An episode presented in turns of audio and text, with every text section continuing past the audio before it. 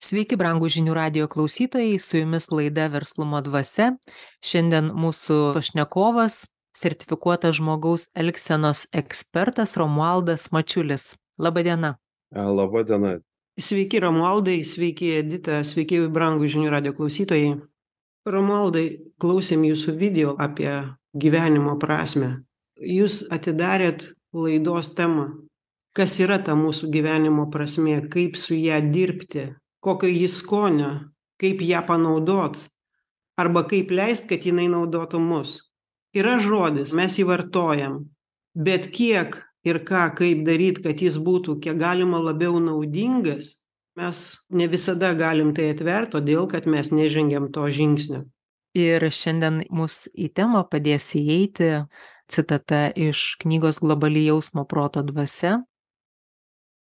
Žmonijai žengiant pirmyn kyla vis daugiau klausimų subtiliose srityse kurias jaučiame egzistuojant bet kol kas jokiais prietaisais neapčiuopiame.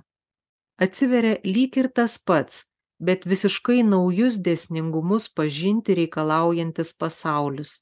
Žmonės siekia mokslo ar kitų sričių veiklos viršūnių pasijunta nieko nesuvokiantys nors visai neseniai jautėsi sukaupę visą pagrindinę tuo metu pasaulyje žmonių suprastą informaciją. Norėdami kokybiškai judėti pirmin, turime sąmoningai kurti ir vystyti subtiliojo pasaulio žinių įsisavinimo technologijas. Jos reikalingos visiems žmonėms, kurie susiduria su šia problema, kurie jaučiasi tarsi per vėlai susivokę, tarsi kažką ypatingai svarbaus praleidę nors aukojo gyvenimą studijoms kad galėtų apčiuopti apskaičiuoti ir pagrįsti vieną ar kitą gyvenimo reiškinį. Dažnas šio pasaulio protinguolis gyvenimui artėjant prie pabaigos dėl subtilesnių žinių stokos ir nesusivokimo jausmo palaipsniui praranda visą gyvenimą lavinto proto aiškumą ne veltui senoliai moko kad ne vien duona žmogus gyvas. Romualdai, kaip jums ši citata nuskambėjo? Visiems klausytojams, kurie dabar klausosi mūsų, norėčiau pasakyti vieną labai svarbią rekomendaciją. Jeigu turit galimybę, paieškokit šitos knygos būtinai ir paskaitykit tą pačią vietą patys. Ir savo užduokit tą patį klausimą, kurį man ką tik Inga uždavė. Klausant tos citatos, įvyko keli dalykai. Visų pirma, aš pajaučiau tokią didelę ramybę, ir tokį lygtais jausmą kad ta informacija kuri knygoje nors jinai užrašyta žmonių išleista žmonių spausdinta žmonių bet lyg ta informacija iš kažkur kitur iš kažkokio gilesnio šaltinio ir kažkas tiesiog išvertė iš kitos kalbos žmogui gal per stiprios per nesuprantamos į tokią mum labai labai suprantamą toks iš karto gimsta kuklumo jausmas ir jausmas kad visi mes čia žemėje esam tam kad mokytis kad kažkur tobulėti kad augti ir link kažko stiebtis. Aš asmeniškai manau kad tai yra universalu. Kiekvienas žmogus pasaulyje jo sielą bent jau jinai stiebtis jinai nori augti jinai nori išreikšti save. Ir tas mūsų gyvenimas ir yra ėjimas. Ėjimas vat žodis tikėjimas lietuvių kalboj labai yra įdomus man kažkada kažkas paaiškino kad tikėjimas tai yra toks žodis tik ėjimas. Ką tai reiškia? Reiškias jeigu aš tikiu aš einu kad eiti į priekį kad leisti savo sielai tobulėti kad leisti sau išreikšti reikia eiti reikia daryt tą žingsnį. Netgi kai tu bijai netgi kai tu nežinai ir jeigu tu eini reiškias tu tiki. Reiškias tu tiki kad yra kažkas daugiau kad ne viskas nuo tavęs priklauso. Ir tu darai tą žingsnį ir eini ir eini ir eini. Ir šiais laikais aš pastebiu daugelis mūsų neleidžiam sau patirti kiek daug mes galim atrast šiame pasaulyje kiek toli galim išreikšt save kiek ta siela mūsų gali išsiplėst. Mes sau to neleidžiam nes mes nematom viso kelio. Ir žmogus tada iš baimės jisai nemato visų žingsnių į priekį ir jis tada sustoja. Tai šitoj vietoj sustoja tikėjimas reiškias nors iš tikrųjų pagalvokim jeigu mes važiuojam mašina iš kauno į vilnių ir važiuojam naktį kai yra tamsu mums gi nereikia viso kelio matyt. Užtenka tiek kiek mašina apšviečia į priekį ir iš vieno miesto patenkam į kitą miestą nors viso kelio nematėm. Buvo tamsu ir nu neįmanoma matyt žmogaus akim tokius atstumus. Tai jeigu mes per savo gyvenimą taip sėkmingai važiuotume kaip naktį iš vieno miesto į kitą nematydami viso kelio mes tikrai atrastume daug daugiau tokių sekančių vietų, kur kažką sužinom apie save, kur kažką sužinom apie pasaulį, daug labiau priartėtume prie suvokimo savo laimės. Kaip jums ši mintis subtiliojo pasaulio žinių įsisavinimo technologijos? Labai moksliškai apibriešta gaunasi. Ir žmonės taip sako, nežinau ar taip yra, bet sako, kad man išeina kartais supaprastinti tokius sudėtingus dalykus. Tai aš pabandysiu, kaip aš paprastai suprasčiau, kaip aš penkių metų vaikui paaiškinčiau. Tai iš tikrųjų pasaulyje yra dalykai, kurie yra, bet mes jų nematom plika akimi, mes jų negalim pačiupinėti ranka prie jūs. Bet jie yra. Ir galbūt tie dalykai ir yra, ant kurių visas pasaulis sukasi. Bet yra tam tikras būdas, tam tikros nuorodos, kurias galima surasti, kaip šiek tiek suvokti, kaip tas nematomas pasaulis veikia kodėl žemė sukasi aplink savo ašį kodėl žemė sukasi aplink saulę kodėl tie dangaus kūnai juda visi nie nieks niekur nenukrenta tam tikra tvarka yra puikiai veikianti tvarka tiesiogiai to suvokti neįmanoma. Lygiai taip pat kaip tiesiogiai suvokti dievą neįmanoma. Vieni vadina dievu kiti bijo šiais laikais to žodžio dievas geriau sako visata kosmosas. Gali būt kitas žodis jeigu jis labiau priimtinas. Bet tiesiogiai to suvokt neįmanoma. Mes tą galim prie to prieiti tiktais per tam tikras nuorodas. Vat rodyklė eik ten žiūrėk ten. Bet nuorodą reikia tik nesusimaišyt. Nuoroda niekada nebus tas dalykas. Nuoroda į kauną ženklas kaunas penkiasdešim kilometrų tai nėra kaunas. Ir netgi kai važiuoji į kauną ir pamatai vat ženklą kaunas. Ženklas nėra kaunas. Ženklas yra tik nuoroda kuri priartina tave kuri veda tave kuri kviečia kuri siūlo tau eiti. Siūlo tau eiti tik eiti ir tikėti.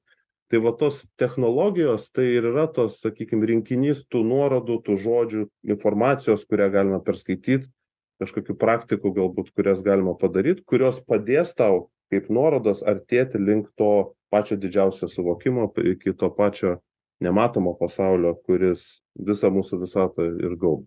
Tarp kitko jūs labai įdomiai vedat ir aš čia tiesiog užmečiau žvilgsnį kaip pats augustinas apie žinias kalba.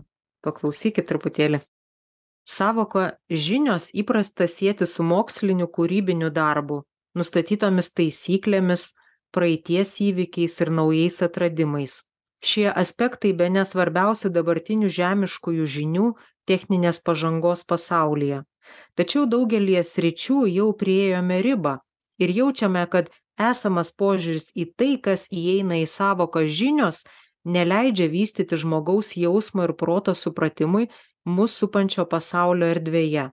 Dėl to negalime pereiti į subtilesnę platesnio ir gilesnio žinojimo būseną kuri kyla ne vien iš matematikos chemijos ir fizikos formulių. Šio pasaulio informacijos šaltiniai glūdi skirtingų stichijų sąveikoje iš kurios nuolatos gimsta kažkas nauja. Panašios sąveikavimo harmonijos turime siekti bendraudami vienas su kitu mokslininkai jau turi įrodymų kad vandens stichijoje kuri sudaro didžiąją dalį žmogaus kūno yra sukaupta visa žmonijos evoliucijos informacija. Vanduo taip pat sudaro didelę pasaulio kūno masės dalį. Žmogus gali priartėti prie šios stichijų patirties jeigu girdi mato jaučia ir analizuoja kaip veikia jo organizmas kalbėdamas su savo siela ir vystydamas jausmo protą jis patiria savo kaip bendro organizmo dalies supratimo būseną ir atranda savyje saugomą žmonijos informacijos kodą kuris leidžia atsakyti į visus rūpimus klausimus. Manau čia gera vieta pakalbėt apie vieną dalyką. Ten trumpai ištraukoj kalbėjo mokslas žinios ir manau pakalbėkim apie tai kodėl mes kartais užstringam kaip visuomenė ir kaip žmonės. Kai mums pradeda atrodyti kad mes labai daug žinom tų žinių vat jau turim čia visus dėsnius išsiaiškinom matematinius fizikos čia kvantinė fizika viską žinom ir pas žmogų natūraliai kyla pasipūtimas. Nu kai kyla pasipūtimas augimas lėtėja iš pradžių o po to gali visiškai sustot. Dėl to pažiūrėkit nėra nuostabu kiek daug žmonių kurie atrodo yra savo karjeros viršūnėj aktoriai roko žvaigždės verslo lyderiai. Kodėl taip staiga jie iš tokių žvaigždžių tampa narkotikus vartojantys nusigėrę yra šeimos ten visokios socialinės tragedijos pinigai iššvaistomi prasilošia ir kažkur nueina ar ne? Nes labai dažnai mes turėdami daug žinių ir daug informacijos mes pasipučiam. Ir gyvenimas tuom ir yra nuostabus jis visą laiką mums padeda grįžti atgal į balansą ir jeigu mes labai pasipūtę jis gyvenimas visąlaik paorganizuoja aplinkybių kurios tau padeda nusiraminti šiek tiek ir grąžina mus sakykim prie to centro. Tai vat iš didelio žinių kiekio labai dažnai mes pasipučiam ir tas sustabdo progresą lygiai taip pat moksle. Patys didžiausi išradimai buvo padaryti ne tada kai žmonės tikėjo kad mes viską žinom mes valdom tą sritį pilnai iš tikrųjų didžiausi prasiveržimai istorijoj mokslo buvo tada kai žmonės pripažino kad mes nieko nesuprantam nes žinom mes mes nežinom. Kai mes prisipažįstam kad mes ne viską žinom kad mes ne viską galim kad ne viskas nuo mūsų priklauso kad yra kažkas daugiau o mes esam tik žmonės tada mes pasidarom kuklūs pasidarom kuklūs pasidarom atviri idėjom. Ir tada mes pasidarom atviri išgirsti ir priimti tas idėjas kurios kartais ateina gal iš kažkur kitur daug biografijose mokslininkų jie sako sapne atėjo jam idėja. Ten vienas po medžiu gulėjo ten obuolys jam ant galvos nukrito kitas duše maudėsi atsipalaidavęs nu pasidavė. Pasidavė eksperimento eksperimento nieko nesigauna. Pagaliau numojo ranka atsipalaidavo nuėjo į dušą maudosi ir opt iš kažkur mintis iš kur ta mintis vat. Atsiradus kuklumui atsiranda galimybė priimt kažką naujo ir va tai apie ką kalba augustinas kad mokslas susiduria su tom ribom tai tik dėl to kad mes šiais laikais galvojam per daug gerai apie save per daug esam pasipūtę žodžiu. Jeigu esam pasipūtę tobulėjimas sustoja. Jeigu esam kuklūs tobulėjimui yra visos galimybės. Tiek moksle tiek asmeniniam gyvenime versle tiek karjeroj tiek sveikatos srityje. Jeigu šeimoje pavyzdžiui mes galvojam aš viską žinau aš viską gerai darau vat ir čia mano antra pusė tiesiog turi būt laiminga nes aš čia dirbu tą viską darau negeriu grįžtu namo laiku nu pinigus parnešu viskas jinai turi būt laiminga mes čia viską žinom. Tada būna labai didelis šokas kai vieną dieną žmogus prieina ir sako žinai aš galvoju apie skyrybas pavyzdžiui. Kaip čia taip? Nu vėlgi tas pasipūtimas buvo. Aš viską žinau aš viską galiu ir tu nustoji tada domėtis. Tu nustoji klausinėt tu nustoji klausytis. Žmonės net nepasikalba nepaklausia o kas tau patinka? Kuom tu domiesi mes galvojam kad nereikia klaust. Šitoj citatoj autorius kalba apie stichijas. Ir suprantama kad mes kalbame apie tas subtilias žinias mes tų stichijų skambesio turim kažkaip išgirsti savyje. Kaip jums atrodo? Aš siūlyčiau jums prieiti prie tos prasmės temos prie to klausimo kurį ir jūs nagrinėjate kaip galima pradėt sąveikaut su tuo suvokimu aš net nežinau ar taip galima formuluot kad štai keturios pagrindinės stichijos veikiančios ugdančios vystančios mus jos mums kaip partnerės kad jos mums kaip tos mus maitintojos per kurias mums atsiveria galimybė pradėt sąveikaut su pačiu savim. Jūs gi sakot ir augustinas kalba aplinka tos žinios taip bet jos tiktai tam kad per jas mes galėtume pradėt pokalbį kelionę su savim į save. Nes negali kurti prasmės iš svetimų dalykų kurie neturi sąlyčio su tavim. Prasmė juk ne kvantinėj fizikoj prasmė vis dėlto aš ją turiu pagimdyt. Kaip jums atrodo? Visas pasaulis ir gal nuo ko reikėtų pradėt su tos prasmės suvokimu. Taip apie ką aš tik kalbėjau būtent reikėtų nuo kuklumo pradėt šiek tiek kukliau žiūrėt į save paprasčiau šiek tiek. Negalvoti kad jau viską žinai ir tu viską. Ir tas kuklumas jau tada atveria tą galimybę sąveikaut su tom keturiom stichijom ir žiūrėt kur ta prasmė. Kiekvienas žmogus nuo gimimo šitoj žemėj viską ką jis mato viską ką jisai suvokia tai čia ta prasmė kurią jis užpildo tą pasaulį. Vat viskas ką aš matau viskas ką aš jaučiu visur esu aš. Visur esu tas aš. Aš pats. Ir kai aš žiūriu į kažką aš žiūriu žmogus eina parke ir jisai kažkaip piktai tempia už pavadėlio šunį tampo tąso. Ir man atrodo vat koks tas žmogus jisai agresyvus jisai čia nu tą šunį kodėl jis čia jį tampo taip? Nors aš nežinau situacijos gal jis gelbėja jį. Bet aš matau vat ką aš matau tame žmoguje kažkokį pyktį ir man norisi tada pasakyt vat žiūrėkit čia piktas žmogus. Bet iš tikrųjų tai yra tik atvaizdas manęs pačio. Tai yra ta manęs dalis kurios aš dar nepriėmiau. Kad aš irgi esu žmogus. Ir aš irgi turiu pykčio. Žmogus yra visoks jis nėra tobulas. Ir ta išorė labai dažnai kaip veidrodis padeda mums pamatyti visas tas dalis kurių mes nepriimam savyje. Nes mes galvojam jeigu mes priimsim tai nu tai bus neteisinga tai bus blogai bet taip iš tikrųjų nėra didžiausia harmonija yra tada kai tu priimi save visą koks tu esi. Nuo a iki z. Visas tas išorinis pasaulis tai yra galimybė mums iš tikrųjų pažint save. Turim tam vieną gyvenimą nu skirtingos religijos kitaip traktuoja bet sakykim taip jeigu vat fiziškai vat čia šitoj žemėj vat gimėm kaip žmogus kaip kūnas ane nu vat gimėm numirėm. Labai greitai. Penkiasdešim metų aštuoniasdešim metų duok dieve. Bet tas trumpas tarpsnis kai mes galim save pažinti ir suvokti prasmę kodėl mes čia esam būtent per stebėjimą to išorinio pasaulio. Nes mes nematom viens kito mes matom visur savo atspindį nuo skirtingų dalykų. Lygiai taip pat kai mes žiūrim į kažkokius žmones ir stebimės ir žavimės jais ir jų pasiekimais galbūt čia irgi esam mes. Tai parodo mums kad mes savyje irgi turim tą sėklą didybės kažką pasiekti kažkur nueiti kažką padaryti padaryt įtaką kažkokią pakeist pasaulyje kažką išspręst kažkokią problemą mes visi tą turim. Aš žinau kad kiekvienas žmogus pasaulyje turi savyje vat tą beribį potencialą kurį mes visi turim. Ir to paieška mes ir užsiimam. Tai aš tada praplėsiu truputėlį savo klausimą. Kaip jūs sakot kiekvienas žmogus beribis taip? Ir kiekvienam žmogui jaučiančiam gebančiam jausti savo beribiškumą arba ir negebančiam kyla gyvenimo prasmės klausimas situacijos prasmės klausimas. Ir štai kur aš matau sąlyčio taškus su jūsų požiūrio ir mūsų laidos požiūriu. Jūs teigiate kad žmogus ieškodamas prasmės pirmiausia turi atsiremti į savo vertybes toliau vertybės mane būtinai atves o tai aš matau kad tai yra jau technologija tai yra sistema vertybės mane būtinai atves į trūkumą. Tame trūkume aš turiu apsistot ir pradėt daryti tuos namų darbus. Ir kodėl aš taip tą klausimą formuluoju?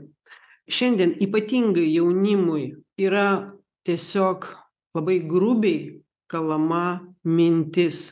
Ir ne tik mintis bet jinai ir vizualiai ir praktiškai ir emocionaliai visais įmanomais būdais kad žmogus turi gyventi tik šią akimirką tik čia ir dabar ir jisai džiaugsis. Jis turi valgyti gauti viską iš to ką jam duoda aplinka nes aplinka geriau žino ko jam reikia žodžiu tu džiaukis ir kaifuok o visa kita mes tau duosim. Tik būk išsižiojęs tik virškink ir bus okis pokis. Ir mes labai daug girdime ypač naujų tokių iškeptų lektorių koučerių saviugdos specialistų kurie sako šitas dabarties momentas tiktai ši akimirka yra tiktai laikas dabar verslumo dvasia teigia ir mes taip pat apsidžiaugėm pamatę kad tą patį teigiate jūs kad be praeities mes neturėsime dabarties akimirkos mes nepažinsime savęs mes pagaliau nesukursime ateities. Jeigu mes norime būti patys savo gyvenimo kūrėjai taigi mes susiduriame su trimis dimensijomis. Praeitis dabartis ateitis. Tai pagrindinė sąlyga kad mes galėtume vystytis ir prisiliesti prie tų subtilių žinių kurios pasirodo yra mumyse prašau paimkit kokį momentą kuris tinkamiausias ir e, Inga, kelis dalykus jūs paminėjot. Visų pirma, apie tą greitą vartojimą. Dabar viskas greitai, greitai, greitai, greitai. Aš šokiruotos statistikos buvau nesenai skaičiau, kad vidutinis žmogus per dieną praskrolina tai yra telefono ekrane pirštu praveda virš šimto metrų šimto metrų reiškias tiek socialiniuose tinkluose ir visur kitur žmogus. Greitis greitis. Vienam įrašui skirta viena sekundė. Viskas viskas tapo greitai reiškias. Mylėjimasis greitas maistas greitas ir saviugda greita dvasingumas irgi greitas. Greitai užsidėti tam tikrą varnelę ir jau čia mes viską žinom. Vėlgi iš tokios pasipūtimo pozicijos bet taip nėra. Ir negaliu sakyt kad blogai kad labai daug atsirado tų koučerių tų saviugdos srities dalyvių. Aš specialistais negal man sunku pavadint. Nežinau kursai visą laiką gerai gali duot tam tikrą struktūrą žmogui vat kaip dirbti su kitais bet reikėtų dar patirties. Gal tų elementų trūksta. Nes kartais žmogus net tas kuris nelabai pats supranta ką daro jisai gali netyčia pastūmėt kitą žmogų į kažką gera ir tas po to jau pats susiras tą kelią. Tai kad kažkas vyksta yra gerai bet gal tie žmonės su tuo vat buvimu čia ir dabar va čia yra tiesiog nu to pačio budizmo filosofijos nesuvokimas pilnas. Žmonės eina ir dėsto mintis patys neįsigilinę. Tas čia ir dabar apie kurį kalba ten rytų kai kurie tekstai visai ne tai yra. Ne apie tai kad tu čia ir dabar turi patirti greitą malonumą ir hedonizmas visas gyvenimas. Čia va dabar pasilinksminkim pasibūkim ir viskas vau o visa kita mes jum pasakysim kad ne tai ten ne apie tai. Iš tikrųjų jeigu įsigilinus į tas rytų filosofijas tai tas buvimas čia ir dabar jisai visai apie kitką jisai kalba apie maldą iš esmės. O malda tai kas yra malda? Nu galima įvairiai apibrėžt aš nežinau ar populiariai apibrėšiu bet malda tai yra pokalbis su kažkuo daugiau pokalbis su dievu gali būt arba malda yra iš tikrųjų pokalbis su savim su ta savo dalim kurios mes dar nesuvokiam. Nes kuriuose tekstuose įrašoma kad dievas sukūrė žmogų pagal savo atvaizdą. Tai yra malda. Tai kas parduodama dabar kaip tas greitas maistas ir tas buvimas čia ir dabar tai čia rytų filosofijai reiškia ne tą. Ir vėlgi čia žmonių tas arba nesuvokimas arba komerciniais tikslais tiesiog parduodama tai kas šiuo metu populiaru. Žmonės ieško greitų sprendimų nu kažkas jiem pasiūlo tuos greitus sprendimus. Kalbant apie vertybes jūs jas palietėt ar ne? Iš kur atsiranda vertybės? Aš kalbu ne apie tiesas kurios va čia yra teisinga čia yra neteisinga čia yra gerai čia blogai. Ne aš kalbu apie žmogaus asmenines vertybes ko jisai kiekvienas iš mūsų pats trokšta. Visos vertybės gimsta iš trūkumų tai ką mes savo suvokimu savo viduj patyrėm kaip trūkumą to gyvenime mums labiausiai reikia to mes labiausiai ieškom. Pavyzdžiui jeigu aš kaip vaikas aš asmeniškai jaučiau mane galėjo glostyt nuo ryto iki vakaro bet jeigu aš jaučiau kad man trūksta švelnumo ir man buvo didžiulis poreikis ir atrodo neužpildytas tai tampa mano vertybe ir aš per visą gyvenimą siekiu tai užpildyt siekiu bet kokia kaina ir per malonumą ir per skausmą darau viską kas įmanoma ir neįmanoma kad tik užpildyt tą vertybę paprastai paaiškina kodėl dažnai žmonės kurie nieko neturėjo vaikystėj sukaupė didelį turtą pavyzdžiui. Iš to didelio trūkumo pajautimo atsiranda trūkumas atsiranda vertybė kad aš noriu to užpildyt ir žmogus tada daro viską kas įmanoma ir neįmanoma kad tai užpildyt. Ir dėl to labai dažnai vat jeigu pirma karta yra turtinga antra karta vaikai dažniausiai būna turtas iššvaistomas. Kodėl? Nes tėvai nieko neturėjo jie sunkiai dirbo kad uždirbti tą kapitalą sukaupti nes buvo trūkumas vaikai tuo tarpu jie ką sako? Mano vaikai niekada nepatirs trūkumo. Ir jie vaikui duoda perteklių. Ir jau jam trūkumo nėra. Jam jau pinigai nebe vertybė jam jau darbas nebe vertybė ir dėl to jie nedirba jie iššvaisto jie neturi tada o jeigu nu neturi prasmės to sakykim nemato jos nu tai tada prasideda priklausomybės narkotikai alkoholis ir taip toliau. Kodėl? Aš niekada stengiuosi nesmerkt žmogaus kuris vat alkoholį vartoja narkotikus. Aš tiesiog matau kad kitą klausimą reikia užduot. Paklaust o kas nutiko su tuo žmogum?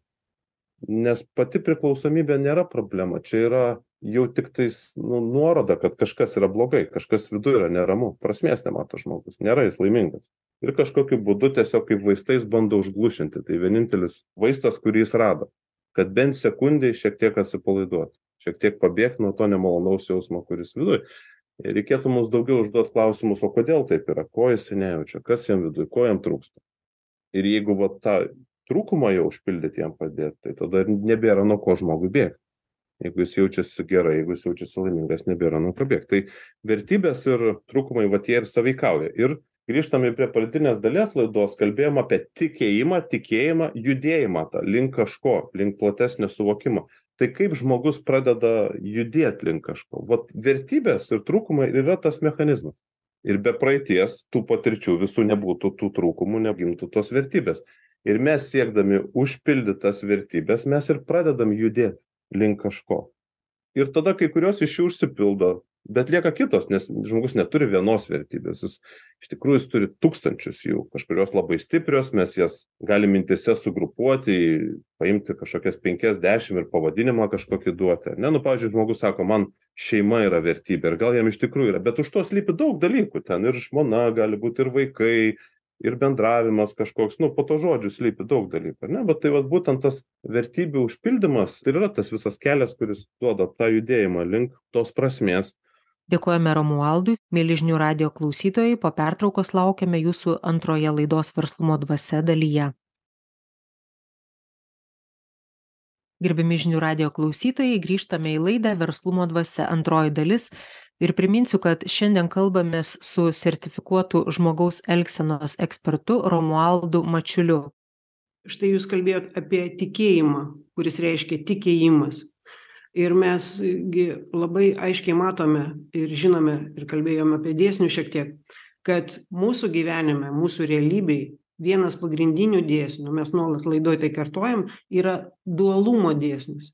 Kad jeigu mane mokytojas veda teigdamas kad konfliktų reikia išvengt tai iš principo jau jis nėra mokytojas jau jis pažeidžia dėsnį nes jeigu aš vengiu konfliktų tai aš negaliu patirti ir džiaugsmo. Nes džiaugsmas yra konflikto veidrodis. Bet dabar yra kitas dalykas kaip jūs sakėte apie tą veidrodį. Man kažko reikia mes kalbėjom štai apie tas vertybes kad aš nebūčiau priklausomas nei nuo džiaugsmo nei nuo konflikto bet galėčiau sąveikauti tarp jų.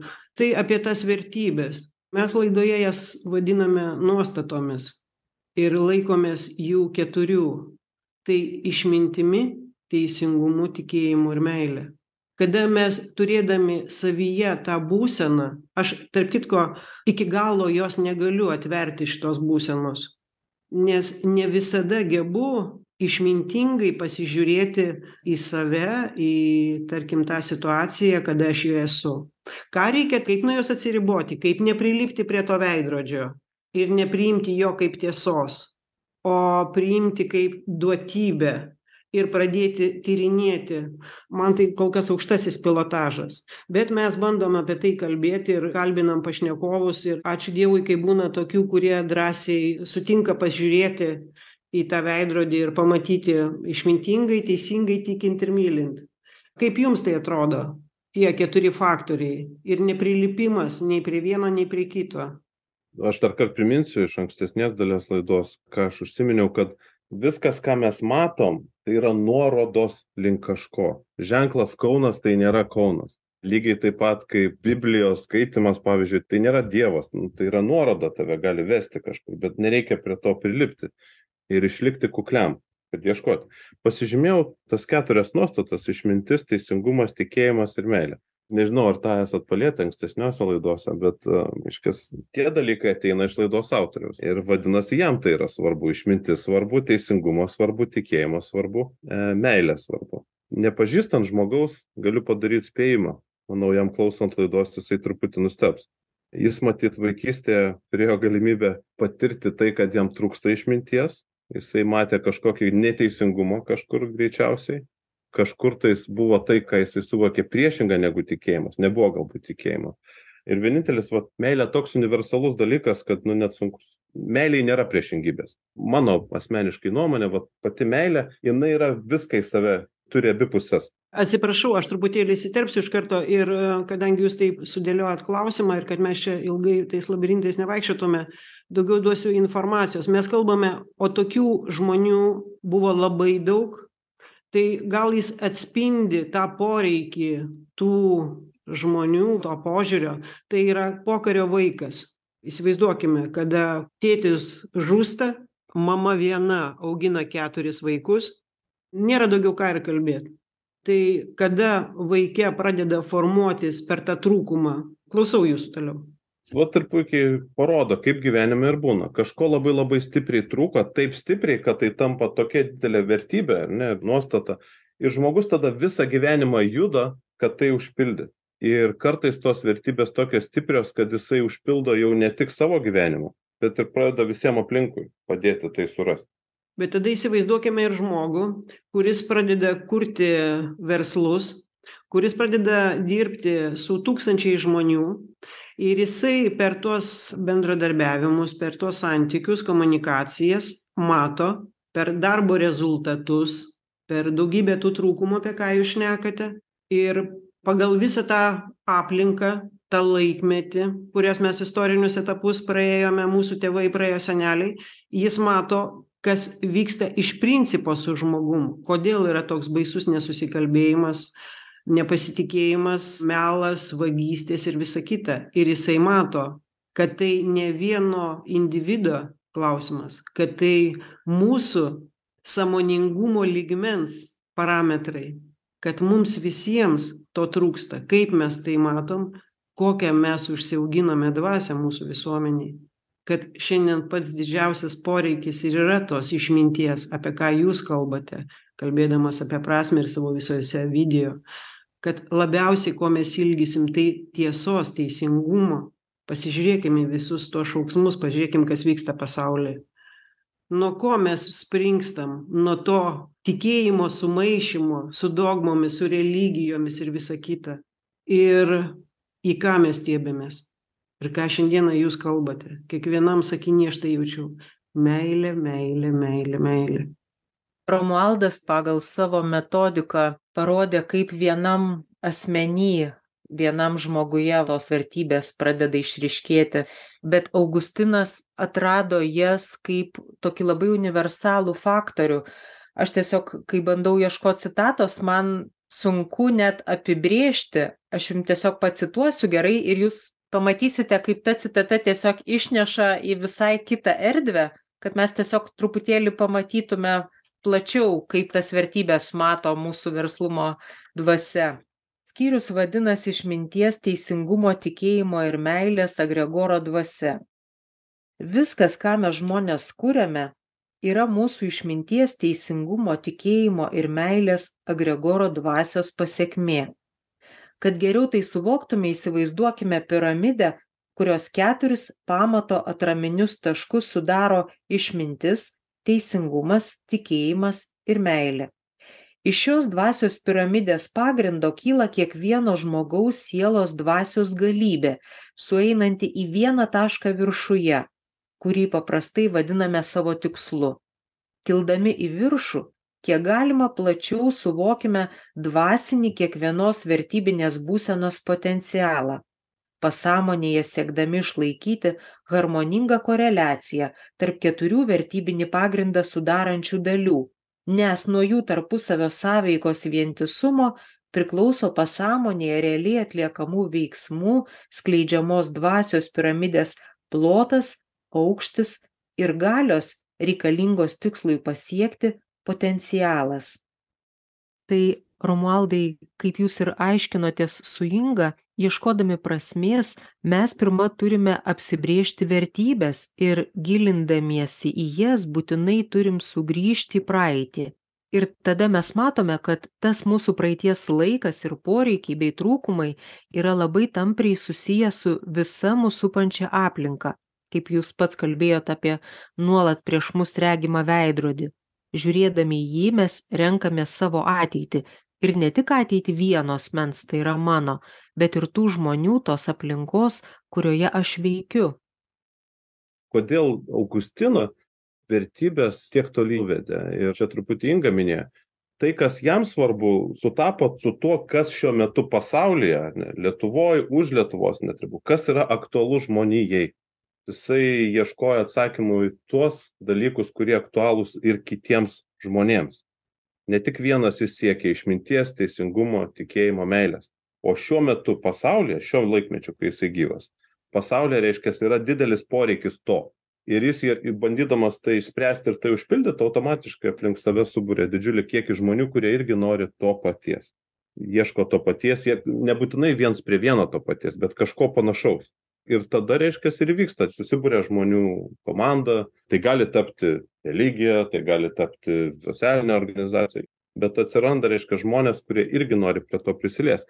Ir dar vienas faktorius kodėl įtaka didelė dėl to kad kai žmogus eina link savo vertybių kai jisai tikrai suvokia kokios jos iš tikrųjų yra ne primestos kažkokios ne kur spauda jam primetė ne kur mokykla primetė ne kur religija galbūt primetė bet tai kas jam iš tikrųjų viduj svarbu ir jis eina link to ir jis bando tai užpildyt vyksta judėjimas jo gyvenime vyksta tikėjimas. Mes stebėdami tokį žmogų iš šono mes natūraliai norim prie to prisiliest nebūtinai dėl to kad sutampa mūsų vertybės asmeninės su to žmogaus bet dėl to kad tas žmogaus autentiškas. Mes matom kad jisai iš tikrųjų daro tai ką jis nori daryt. O viduj visi mes norim to paties. Visi mes norim kad mus priimtų kokie mes esam. Leisti sau būt tokiem kokie esam. Ir eiti link savo vertybių. Dėl to kai mes matom kitus žmones kurie rado kažką ir eina link kažko mes natūraliai prie jų kaip magnetas traukiamės. Tai aš norėčiau kad romualdai mes nemažai girdėjom apie jūsų knygą. Ar galėtumėte keliais sakiniais pasidalinti. Kodėl tą būseną kodėl jūs tą vietą žmoguje pavadinote kalėjimu? Knyga nemokamas išėjimas iš kalėjimo. Kartu su žmona uždavėm sau klausimą koks yra tas pats didžiausias kalėjimas pasaulyje? O pats didžiausias kalėjimas pasaulyje yra žmogaus galvoj. Žmogaus protas yra pats didžiausias kalėjimas. Ir jeigu žmogų išlaisvinti iš kažkurio iš mes visi turim daug tų kalėjimų bet iš pačio didžiausio tai būtent iš to kalėjimo kurį mes susikuriam savo galvoje. Tai yra pats didžiausias kalėjimas. Tai yra primestos mums vertybės. Kažkas svetimas prieina ir sako vat vartok vartok vartok greitai. Dabar tai yra čia mada tai yra teisinga net primesta. Arba sako ne ne ne čia šeima turi būt kitokios konfigūracijos čia tas scena nebemadinga čia dabar reikia va taip daryt arba tenais nebemadinga tuoktis nebereikia to ne nu kažkas primesto. Tai čia vienas tai iš to kas mus įkalina. Tada įvairūs gėdos jausmai kaltės jausmai primesta kaltė kažkieno primesta gėda baimės įvairios neišspręstos situacijos iš vaikystės kurios žmogų skaudina iš vidaus. Taip ir mes ir pasistatom kiekvienas savo galvoj tą kalėjimą. Ir ten mes nesam laisvi savo galvoj ir jeigu žmogus nori net nenoriu sakyt surasti laimę aš manau mes visi turim tą laimę bet mes jos nesuvokiam. Mes jos gal net pajaust negalim nes tiek daug sluoksnių ant viršaus uždėta kažko svetimo. Bet kad žmogus atrastų tą laimę kurią jis turi jam reikia išsilaisvinti iš to nerimo kaltės kančios spąstų kurie yra jo galvoj. Tai pagrindinės nauda knygos yra tai kad knygoje mes nesistengiam duot daug atsakymų natūraliai gaunasi rašant kažkokie atsakymai bet užduot klausimų užduot daugiau klausimų. Ir kaip aš sakau vat vienas iš svarbiausių mano darbų yra kurti klausimus kurie išplečia suvokimą. Vadinas visi atsakymai yra visatoje visi atsakymai yra dievuje tai yra manyje o mano uždavinys užduoti klausimą. Ir klausimo suformulavimas tai ir yra tas gebėjimas jau pirmas žingsnis išsilaisvinimo link. Taip ir čia yra ta knyga kur žmogus jis knygoje neras atsakymo bet knyga gali būti jam pagalba surasti atsakymą kuris kaip jūs sakėt kažkur yra. Ir būtent tie taiklūs klausimai tie šiek tiek išbudinantys klausimai kartais ne visąlaik malonūs klausimai bet vertingi klausimai. Ir yra ta priemonė ta nuoroda kuri parodo kelią link to ko žmogus ieško jūs praktikas. Taigi kas padės žmogui užduoti sau teisingą klausimą ir po to ta kantrybė uždavus tą klausimą laukiant atsakymo? Labai yra daug žmonių kurie bando padėt kažkam kitam kitam žmogui. Mes labai mėgstam padėt kažkam. Vat šitas žmogus pavyzdžiui išgėrinėja mes norim jam padėt. Šitam darbe nesiseka mes norim jam padėt bet iš savo praktikos aš galiu iš tūkstančių žmonių kuriuos aš paliečiau galiu pasakyt vieną. Užuomazga sėkla pokyčio turi kilt iš pačio žmogaus. Jo viduje turi dažniausiai nepasitenkinimas esama situacija daeiti iki tokio lygio kai jisai pasiruošęs pasidaryti šiek tiek kuklesniu nebepasipūtusiu ir pradėt priimt kažką naujo. Taigi sėkla visada iš pačio žmogaus ir jis turi žengti tą pirmą žingsnį bent jau pasakant kad aš noriu kažko aš ieškau kažko aš nesuprantu kažko aš nepatenkintas tuo kuo esu. Ir kartais būna taip kad žmogus pagauna save kažkokioj situacijoj kuri jį patį šokiruoja. Pavyzdžiui tėvas pagauna save rėkiant ant dukros rėkiant siaubingai rėkiant ir jis supranta kad jin kažką padarė bet ta jo reakcija jinai šimtąkart stipresnė negu ta situacija reikalauja ir jis tada pagauna save iš šono ir supranta kad čia kažkas kita čia kažkas ne apie dukrą čia kažkas apie jį patį čia kažkas kas vyksta su juo ir jam reikia pradėt ieškot naujų atsakymų. Kodėl jis taip elgiasi iš kur jis taip elgiasi kas su juo nutiko vaikystėj ir taip toliau ir taip toliau ir taip toliau. Tai vat kartais tokie momentai gyvenime kur žmogus pagauna save ir supranta kad atsiranda kuklumas per suvokimą kad ne aš ne viską čia suprantu kas dedasi. Va tada atsiranda galimybė. Tai dar trumpai šias dvi kategorijas nes jos yra labai tampriai susijusios. Kuklumas ir pasipūtimas. Aš truputėlį vieną įvesiu tokią sudedamąją.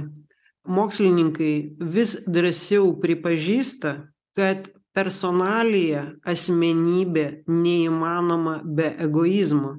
Kad egoizmas tai ir yra tas apvalkalas per kurį personalija reiškias. Taigi kuklumas ir pasipūtimas. Ir dualumas apie tai ką jūs kalbėjot. Viskas turi dvi puses kuklumas ir pasipūtimas yra dvi pusės. Ir jeigu pasiklausysit vat gerbiami klausytojai įdėmiai šito įrašo nors jums galėjo taip pasirodyt bet jūs išgirsit kad aš niekada nesakiau kad pasipūtimas yra blogai ar kad kuklumas yra gerai tai nėra nei gerai nei blogai tai yra dvi pusės tos pačios monetos reikalingos.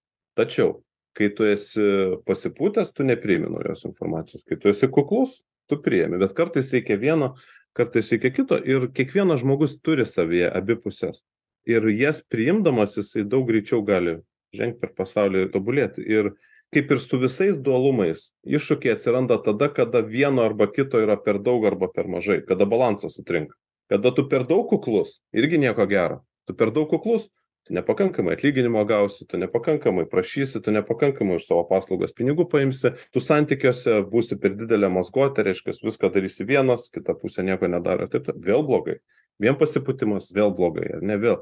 Būtent balansas tarp tų dviejų dalykų. Bet kokiam dualume kai yra balansas tada yra didžiausias potencialas augimo. Aišku labai sunku tą balansą surast. Mes gyvenam realiam pasaulyje ir nu kaip aš sakau žinot net pats didžiausias dvasininkas kalnuose jisai sėdi viskas aplinkui tylu ir jam lengva būt balanse kai aplinkui nieks nevyksta bet net tada. Skrenda pro šalį paukštis atsiprašau tas paukštis kažką padaro ant jo ir jisai gali sutrikti iš to balanso. Nu ką nu ir po to vėl nusiramina ir vėl grįžta į tą balansą. Čia yra gyvenimas. Jeigu nebūtų judėjimo tai mes būtume mirę. Tas judėjimas ir tas bangavimas jisai yra privalomas. Bet iššūkiai kyla tada kai tos proporcijos nebesueina žmoguje arba kai pas žmogų labai dideli šuoliai į viršų į apačią. Tai tada tiesiog labai jį vargina. Ten vieną dieną viskas gerai jam atrodo kitą dieną viskas blogai. Ten psichologai tai duoda tam pavadinimus tom būsenom bet tai tiesiog reiškias kad labai išsibalansavęs sakykim žmogus. Tai klausytojam aš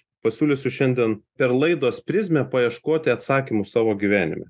Tiek išminties pamatyti kur jisai jau yra išmintingas nebijoti priimti tų dalių kur jisai jau išmintingas ir pabandyti pamatyti tas dalis kur jis yra tamsuolis visiškai.